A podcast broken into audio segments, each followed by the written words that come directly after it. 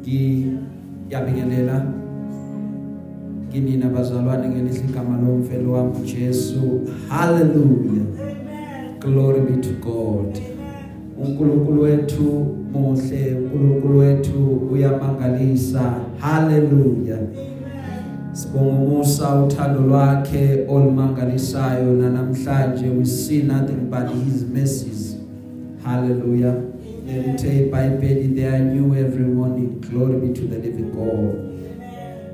Bazalwane bami ngiyabingelela kubazalwane basibukela live ku Facebook ngelihle igama lomfelo wethu Jesu. Glory be to the living God. Kubazalwane abalalela ababukela ama video ethu ku YouTube nakubona siyabulisa sithi namhlanje uThixo omuhle siyathemba ukuthi nabo basagciniwe esandleni somusa. Kubazalwana abalalela ama audio ethu whether be it ama podcast or be it lawo wa WhatsApp nakubona sithi akube ukuthula nomusa. Glory be to the living God. Kumnandi bazalwane kuyajabulisa uma udibana nabazalwane mhlawumbe uye somewhere. Eh uma uma nifika khona eh lapho bese bathi no mfundisi siyayilalela intshumayelo zakho siyakuzwa. So every sunday siyabusiseka. Glory be to god. We are reading izwi lenkosi namhlanje incwadi eyokuqala eBhayibhelini which is the book of Genesis bazalwane. Hallelujah. Ukufunda kwethu sifunda iverse laka 50 sifunda ichapter yaka 50 rather iverse laka 20 Genesis the 50th chapter. The 20th verse makabongwe Jesu Genesis chapter 50 verse 20 ngiyacela ke oyiphethe ngesilungu bese esikhonza.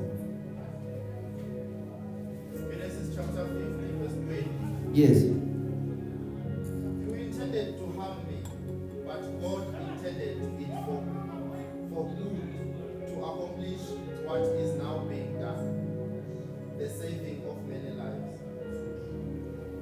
Haleluya ela usiphindele babudlamini intended to harm me, but God intended it for the good.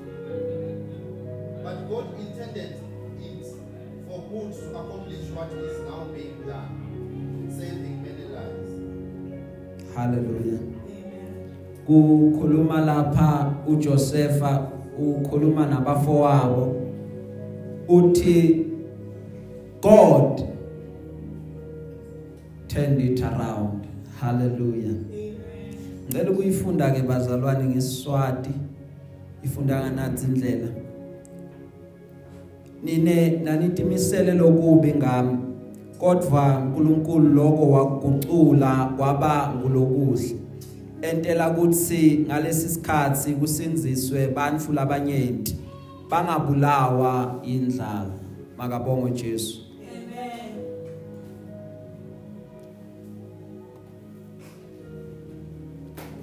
Cela sivalena amehlo umzalwane oyedwa bese asikhulekele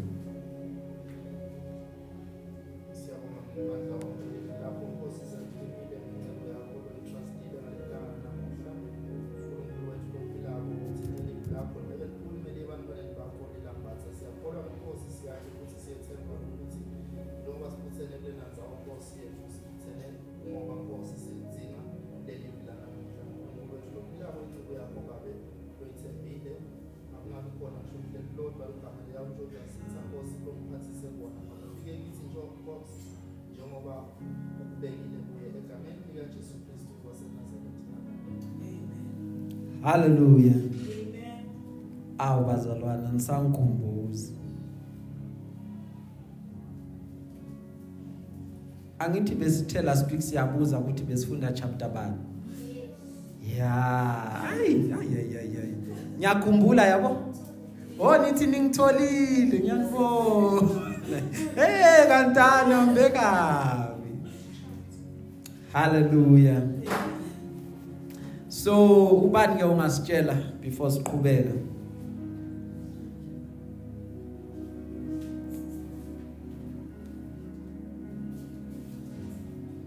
Besifunda uchapter bani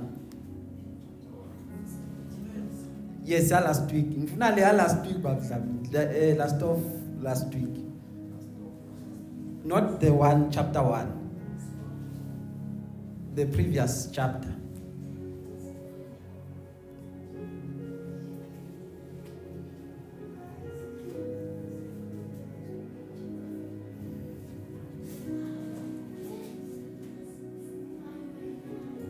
Akekho ikhumbulayo ngikashaleni babudlamini izandla bazalwane haleluya glory be to god. Umyalezo wanamhlanje uthi the god of a turnaround uNkulunkulu oguqula izinto. Haleluya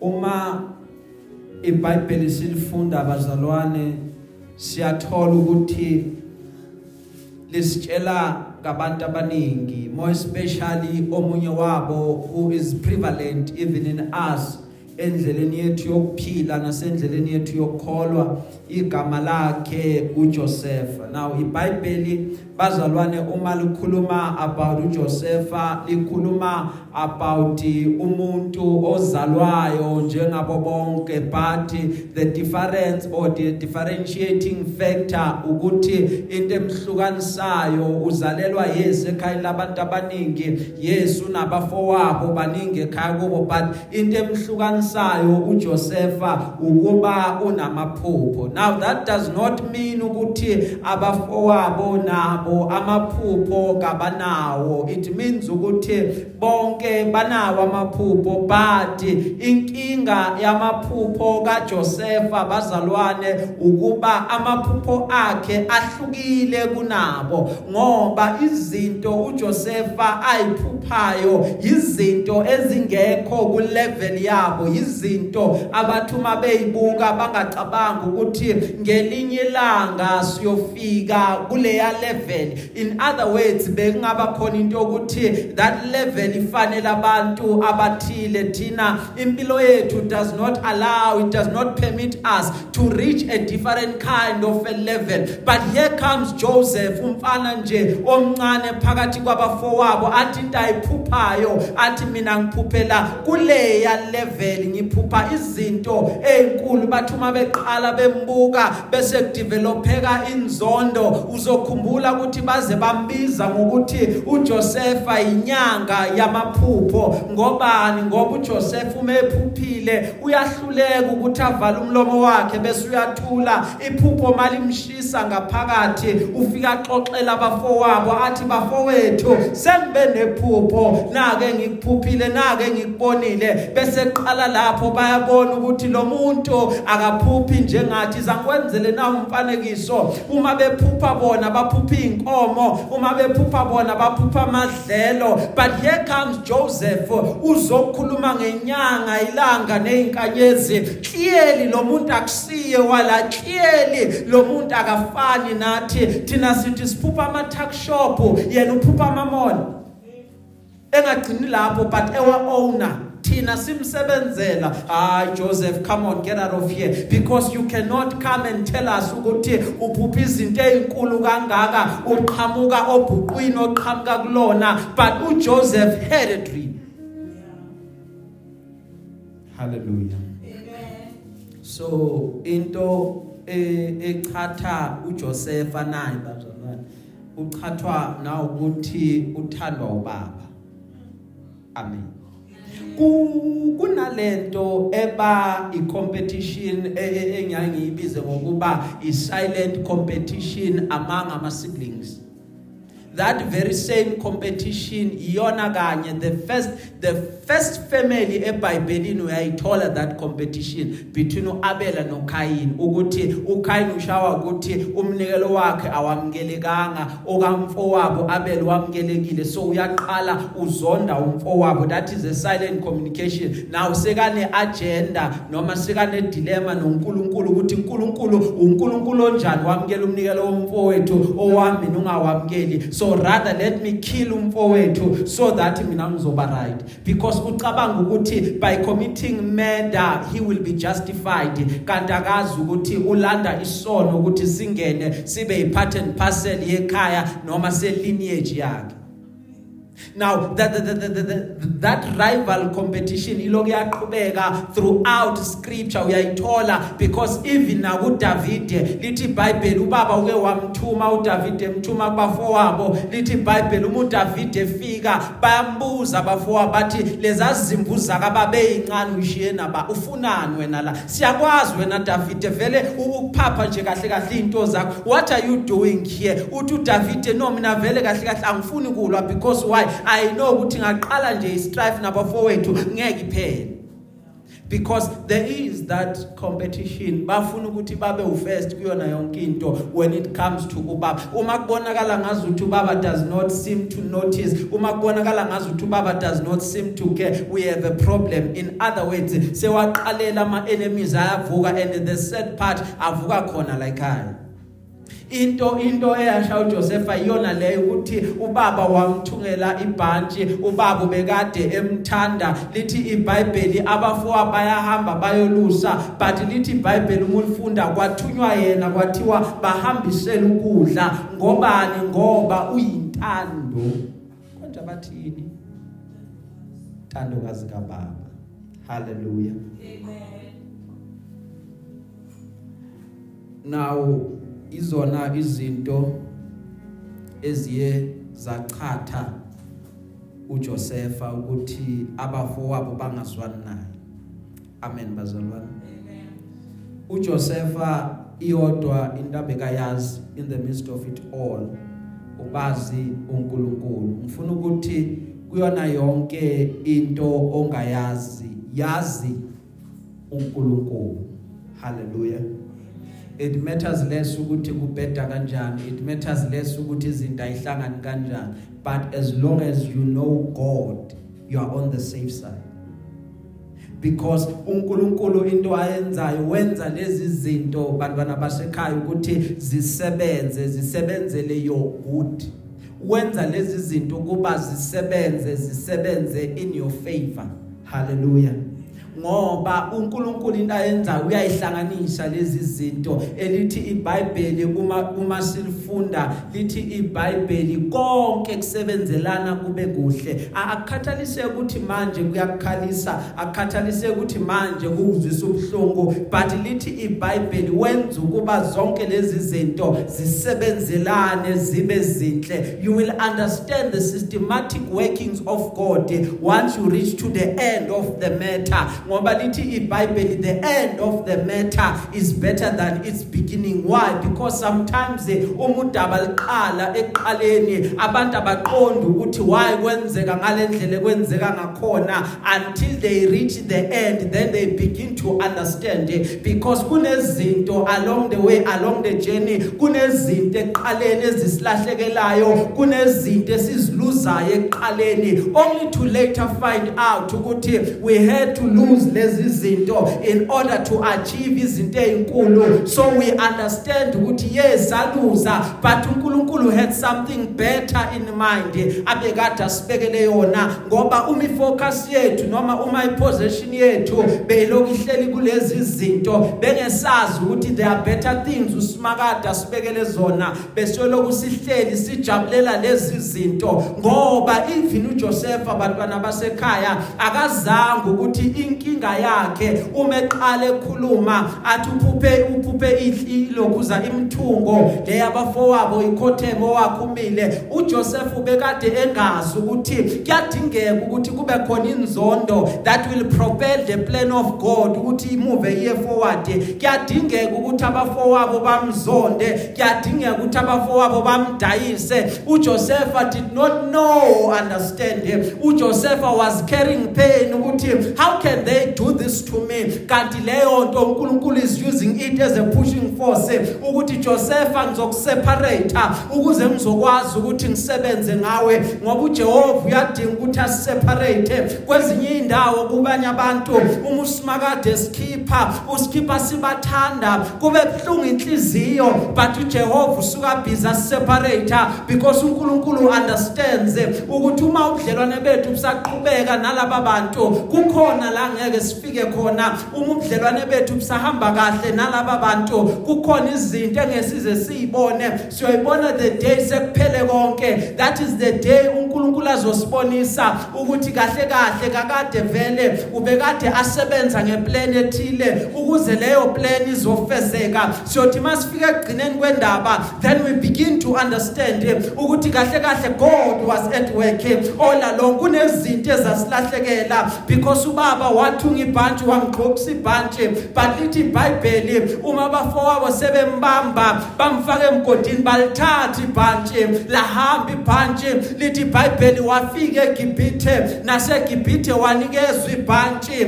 La bekade ehlala khona but lithi iBhayibheli uma ulifunda lahamba ibhantshi. Wathi uJoseph kanti kahle kahle kwenzakalani? Wonke amabhantshi amayathathwa kwenzakalani? Kanti injongo is to push him injongo is to propel him to the greatest city yokuthi ayohlala yoba yiprime minister. Because during the midst of izinto mazenzeka awuboni isigcino sendaba ukuthi le ndaba iyophelela kuphi.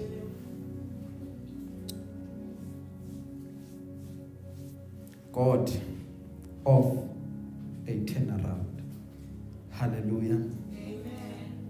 God awuNkulunkulu obona beyond izimo zethu ithi incwadi yamahubo wathuma indoda phambi kwabo.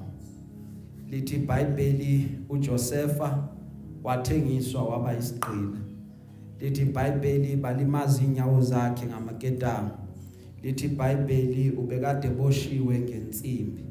Bese lithi iBhayibheli kwazi kwaba isikhathi elagcwaliseka ngaso izwi lakhe. Lithi iBhayibheli izwi laka Jehova laqhubeka lamhola ngoba even lenkathi edlula ezimene ezibhlungu nezinzima aseGibhithe efane ukuthi ukwazi ukuqonda ukuthi he never let go of his faith. He kept on believing in God. Noma seka accused ngento angayenzanga uJoseph kept on praying ukuthi uNkulunkulu uyena obenami kwade kwala uJehova nguyena ozongikhulula. Ngila kulejele anginacala ngila kulejele ngimsulwa mina angazi lutho. Lokabathi ngikwenzile mina angikwazi azange ize ngikwenze. That is why lithi iBhayibheli izwi laka Jehova beloku liqhubeka njalo limhola. Izwi laka Jehova beloku lahamba naye endleleni yonke. Lithi Josepha kune mission efanele ukuthi uyenze kune mission efanele ukuthi uye accomplish ngoba into engifuna ukuthi uyiqonde uunderstand ukuthi abantu noma bangakwakhela uzungu into engifuna ukuthi uyiunderstand ukuthi uma beplana beplotta evil against you angeke baze baphumelele ngoba wena ungumntu umntwana kaJehova. Kunezinto ezizokwenzeka. Ucabange wena ukuthi ngazi ukuthi omubi uyaphumelela empilweni yakho but understand ukuthi no that is still part of the plan of God. Because the plan of God bantwana basekhaya akusho ukuthi iyasikhipha ebhlungwini it does not exempt us from pain. Hallelujah. uNkulunkulu angeke ahlale athi angeke uzubuze ubhlungu you will feel pain. But understand ukuthi it is part of the process. Yalento simakade afuna ukuthi iaccomplishe izuzeke ngoba after the pain you will better understand impilo ukuthi oh okay impilo befanele ibe nganansi indlela. But understand ukuthi konke okuplaniwe okuplaniwe kuplanelwa wena angeke uze kuphumelele ngoba wena ngolungileyo waka Jehova baba uNkulunkulu into azoyenza ukuthi bonke laba baba bangalunganga usimakade uzowahlulekisa ama plans abo uNkulunkulu uzokwenza ukuthi konke zonke indlela zabo zingaphumeleli but wena uzophumelela. Hallelujah. You will succeed. You will be successful. Amen. You will be blessed. Lokho glory be to god ukholwe lokho ukuthi wena uzobusiseka. Amen. Uthi uNkulunkulu mekhuluma I've placed before you an open door. Lithi ke iBhayibheli uma likhuluma that open door no man can shut no man can close that open door. Ngifuna ukuthi before si crosser over to u2024 pray for open doors. Hallelujah. Khulekela iminyango evulekile. Leyo minyango ufanele ungene kuyona wena. Leyo minyango ama opportunity azokwenza ukuba impilo yakho ibe ngcono. Umthandazo wakho awuthi inkosi ngimuve kulonyaka engiphuma kuwona. Umuve lethu unyaka ozoqala. Uma ungimuvela kulonyaka oqalayo iyodwa simakade into engiyicela kuwena ukuba nkosi give me more of the good stuff. Hallelujah. Give me more of the good things. Give me more of ibusiso. Ngenza ukuba ngibe umuntu ongcono. Nkosi ake sinyuse ama level. Le level ebekade sikuyona ake sisuke kuyona asiye kwi level elandelayo. uNkulunkulu I'm praying for open doors. Simakade I'm praying for ifavor yakho ukuthi ifavor yakho ayingilocate. Nkosi I'm praying ukuthi ngibusise uNkulunkulu wami kubonakala ukuthi lo nyaka unyaka ongafani neminye iminyaka. There were years wenyembezi but this year unyaka wenjabulo unyaka wentokozo unyaka weyibusiso why? Because uNkulunkulu has surely blessed me. So Nkosi I am praying for open doors because umnyango it's a symbol yokuthi fanele ngihambe ngiyongena and uma ngena iatmosphere yami has to change. So I'm praying for one thing ukuthi let it change for the better. Hallelujah. Ngikhumbula umuntu owafuna isibusiso. Lithi iBhayibheli kahle kahle ubaba omzalayo wamfunela isibusiso. Uma kuzalwa uIshmael lithi iBhayibheli wacela uAbraham ukuthi uNkulunkulu.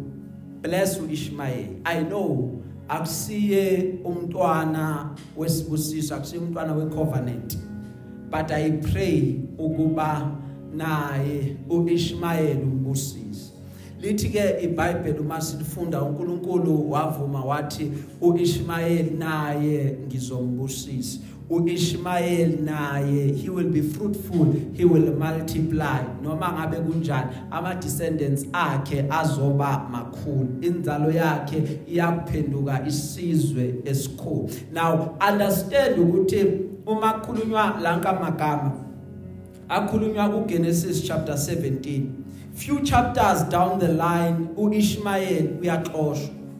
Uma exoshwa uIshmael uhamba ehlane uhamba nomamakhe uhamba edesert uhamba nomamakhe abaphethanga ukukhulu abaphethanga okuningi baphethe nje isinkwa kanye namanzi. Lithi iBhayibheli during ukuhamba kwabo ilanga liyashisa lithi iBhayibheli kwaphela amanzi kwaphela isinkwa. Lithi iBhayibheli umamakhe waze wacabanga ukuthi my son is dying. Lithi iBhayibheli wathi angifuni ukumbona efa umntanami lithi iBhayibheli wabona isihlahla wathi kungcono ukuba ngiyombeka ngaphansi kwesihlahla. Wamthatha wayombeka ngaphansi kwesihlahla. Bese lithi iBhayibheli wabese uyaflathela. Lithi iBhayibheli wathi at least uma ngiflathele angeke ngisizwe isikhalo sakhe. But lithi iBhayibheli uNkulunkulu edesert wakhuluma naye uHagare wathi kuyena Hagari ngikuzwile ukukhala komntwana. Ngoba naye cabanga nje nje na ukuthi inyembezi besezehla nakuye umama ngoba kubhlungu lokakubona enganeni yakhe ngoba yena unamandla mhlawumbe ukuthi akwazi ukuthi aqhubeke along the way along the journey desert even ngaphandle kwamanzi. But umntwana needed amanzi amaningi and not just ipint lamanzi but lithi ke iBhayibheli uthi uNkulunkulu ngikuzwile ukukhala komntwana naye he will be blessed. Because lama message esibusiso siwathola abantwana basekhaya la izimo zingakabonakali zingakabonisi ukuthi kahle kahle wena ungobusisiwe. Kusuke kungakabonakali ukuthi wena you are blessed. But behold ke ngoba uNkulunkulu wenza into entsha. Lithi iBhayibheli uNkulunkulu wenza indlela ehlane. Lithi iBhayibheli uNkulunkulu wenza imifula nasehlane lakwahlonga sibi uNkulunkulu uphendula ihlane libe amachibi amanzi. uNkulunkulu wenza ukuthi umhlabathi omileyo uphenduke umthombo wamanzi ukhipha amanzi. Why? Because he is the god of a turnaround. uNkulunkulu ofika esimeni sakho kungathembisi kungekho ihope kungabonakala ukuthi izinto zizoguquka. uNkulunkulu ofika esimeni sakho abantu sebaconcludeile backwriter off bathi kuphelile bese simakade uyafika esezophendula amatafula athi benicabanga ukuba kuphelile kanti a a akakapheli. Mina Jehova isekhona into engizoyenza. That is why uDavid athi uyayithuntutha impabanga ezaleni ayoyihlalisa namakhosi. Uyayithatha into bazalwane ayithuntuthe from ethulini ayoyihlalisa phezulu because indawo oqhamuka kuyona it is not the determining factor yokuthi uyophelelaphi however idestiny yakho ifihliwe kuwena ngaphakathi. You will go as far as you believe. Inqobo nje uma unokukholwa uma futhi unephupho ukuthi inkosi khona lokephezu kwako inkosi izokwenza that is as far as you will go. Hallelujah. Ngifuna ngifuna ukugcina lithi iBhayibheli uma uJosefa ezambula kubafowabo lithi iBhayibheli uma bembona baqala bayisola. Lithi iBhayibheli uJoseph ubekade ekhala. Umbuzo uthi Joseph ukhalelani?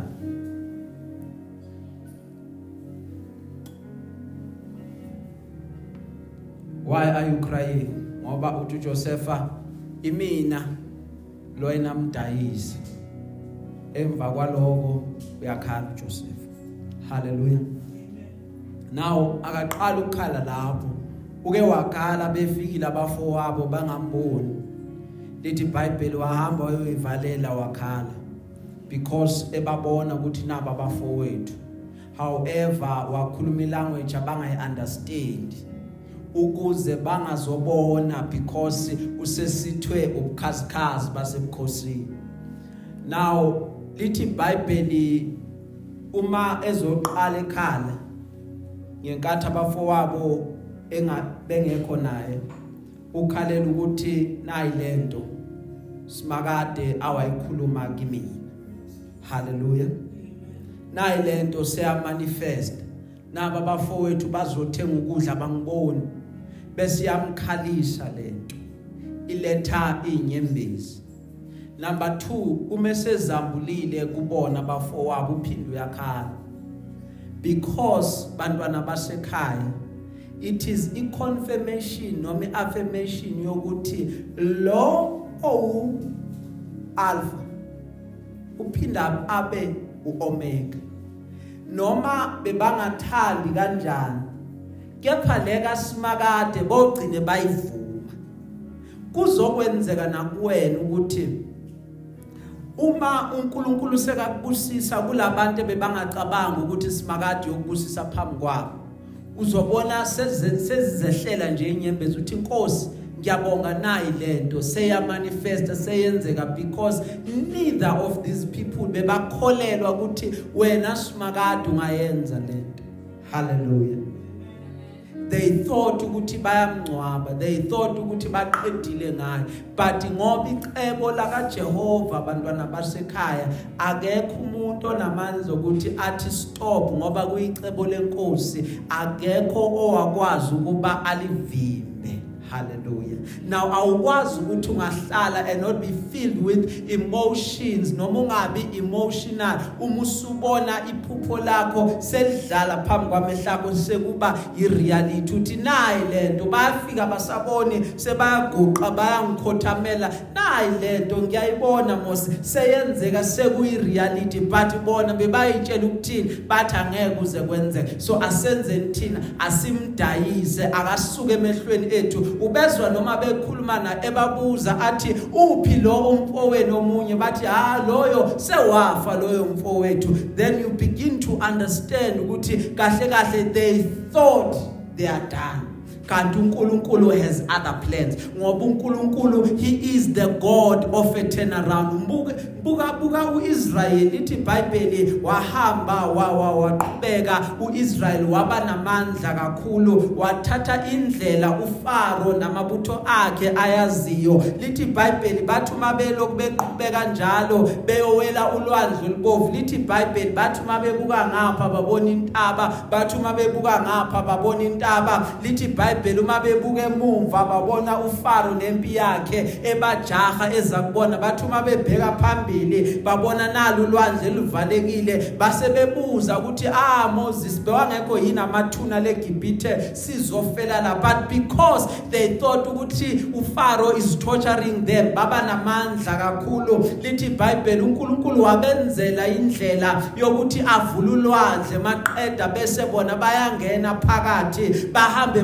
emanzini omileyo esimene obungacabanga ukuthi singenzeka lesi simo. Maqeda lithi iBhayibheli bawela bonke baqeda. Uma sebaqedile ukuwela bakhandwa kuphi kanti abantwana bakwaIsrayeli? Bona bebacabanga ukuthi uFaro uyabagqilaza kanti uFaro benza ukuthi babe namandla kakhulu kanti uFaro benza ukuthi babe nespeed sokwazi ukugijima. Kunezinto ezikwehlelayo ucabanga ukuthi wena bayagqilaza kanti awuboni ukuthi kunento kuwena. Bayishapeayo kunento kuwena bayakhayo uzokwazi ukumanuva uzokwazi ukusurvive kwezinye izimo. Ukukhumbula ukuthi oh konja ngeke ngandlula esimene sinjena nina ngicabanga ukuthi niqedile ngami. Kwezinye indawo baze baqisha ukudla. Bathi hayi lona ngeke size simphakele. Kanti abazi ukuthi sebathi kuwena ngena ku fasting uthi hayi izimo enjengijwayele mina. Kusho ukuthi kahle kahle bampreparele ifasting yami ukuthi ngene kuyona isikhathi sokuba ngizile ukudla. Then you survive you strive uzuwelele ngale ngaphesheya uzudlule. Mawubuke emuva uthi lesimo sesize sadlula lithi iBhayibheli bazalwane sengqina uFaro nempi yakhe bangena nabolwandle bathi uIsrael sizomfica. But lithi iBhayibheli simakade wathumela isandla esafika sazokhulula amasondo einqola zakaFaro. Maqeda lithi iBhayibheli watshela uMoses wathi Mose ulwandle sewungalivala uIsrael wonke uwelile lithi iBhayibheli walivala ulwandle labuya ulwandle kwakhumuka amasondo kwabuya amanzi. uFaro nempi yakhe bafelwandle waqamba ingoma uMiriam seku after sekudlulile. Wathi makabongwe simakade ngoba uphakeme kakhulu. Ihashi nenkweli yalo simakade simbonile. Singofakazi abaqanda ikhanda ukuba simakade uliphonsile olwandle. Simakade uqedile ngaye ngoba umyalezo ovela kuMoses ubukade ukhuluma kuthina uthi lezithe niyibona namhlanje. Rest assured ukuthi you will see them no more. All the pain all the strife rest assured ukuthi you will see it no more. Why? Because we need to cross over to better things. We need to come to a level where uNkulunkulu is turning things around. uNkulunkulu will turn things around in your favor. Kulonyaka esiyongena kuwona ungasanaki ukuthi lo ukhalise kakhulu. But look at God and what he is about to do.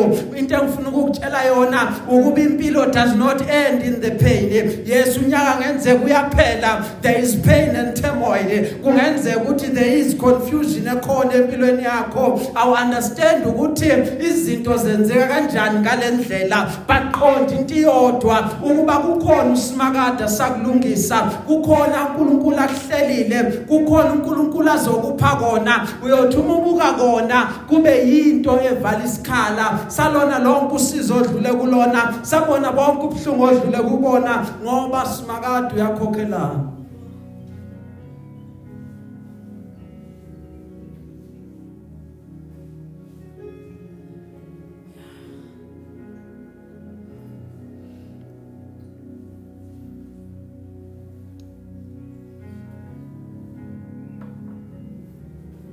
in conclusion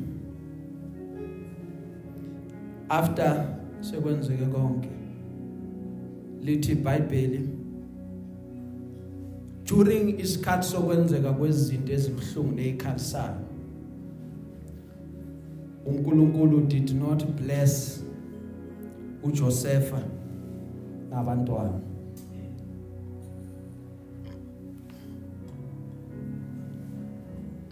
However during isikhathi se open door yakhe during isikhathi sama open doors akhe mase kuvuleka iminyango mase kufika isikhathi sokuba imikhuleko yakhe iphenduka mase kufika isikhathi sokuba amaphupho akhe afezeke. Simakade ube sumbusisa ngabantwana. At that time uJoseph say prime minister. At that time uJoseph is occupying the highest office in the land. Lithi iBhayibheli yodwa into ebeyihlukanisa yena noFaro ukuthi uFaro only had to put his signature but kahle kahle yena ubengaphezulu kwakaFaro ngoba yonke into uJoseph ayishoyo kuFaro uFaro bekathi mayenzeke. Hallelujah. During that time uJosepha eseshadile lithi iBhayibheli izinto seyihamba kahle. uJosepha sekadla akuthandayo uJosepha asebusa sekakhomba ngophakathi. It was at that time that uNkulunkulu blessed him with two sons. Hallelujah. Waqaphela kuJosepha ukuba ingane yakhe yokuqala yomfana izibulo lakhe. Aliqamba igama lokuthi uManase. Uma ezomqamba igama athi uManase usho ukuthi uNkulunkulu ungenze ngakhohlwa konke ukuhlupheka kwami nendlu yonke kaba hallelujah. Manasseh means the Lord has made me to forget. It is my prayer as we conclude the year that uNkulunkulu gives you a Manasseh kind of a blessing. Isibusiso esizokwenza ukuba ukhohlwe yonke inhlungu yakho ukhohlwe konke ukuhlupheka ukushayeka kwakho ukhohlwe zonke izinkathazo zakho. Uthi uma uyibuka lesi sibusiso uthi ababa ngiyabonga umuhle. Uthi uma usibuka lesi sibusiso uthi inkosi ubani ongangawe? Uthi uma usibuka lesi sibusiso uthi ngempela simakade akekho bekenza ebekangenza ngendlela wena nkosi owenza enze ngayo uthi uma usibuka lesi sibusiso uhleke wedwa. Uthi uma usibuka lesi sibusiso kube ngathi ungabiza umhlaba uthi zanizojabula nami nizobona la uJehova angithathe khona nizobona la uJehova angenzele kona. Angikwazi ukuthula ngalento. Simakade angenzele. This kind of a blessing has made me forget. Hallelujah. This kind of a blessing has made me to forget. Konke ubuhlungu engingadlula kubona. Cela uNkulunkulu sesiqedile. Cela uNkulunkulu. Nkosi bless me with the Manasseh kind of a blessing. For all the stress I've been through. For all the pain I went through. Kubona bonke ubuhlungu Nkosi engidlule kubona. Ngazi into eyodwa ukubiliso lakho liyabona sizovala thina sonke amehlo bese ngiyakholela baba siyabonga. Nanti izwi lakho liphumile liye ebantwaneni bakho. Siyabonga Nkosi ukuthi simakade ukhulumile. We give you honor praise and glory. Namanje uNkulunkulu wethu be exalted namanje Nkosi igama lakho siyaliphakamisa sibandla lakho nkulunkulu wami singabantwana bakho sidlulile Nkosi.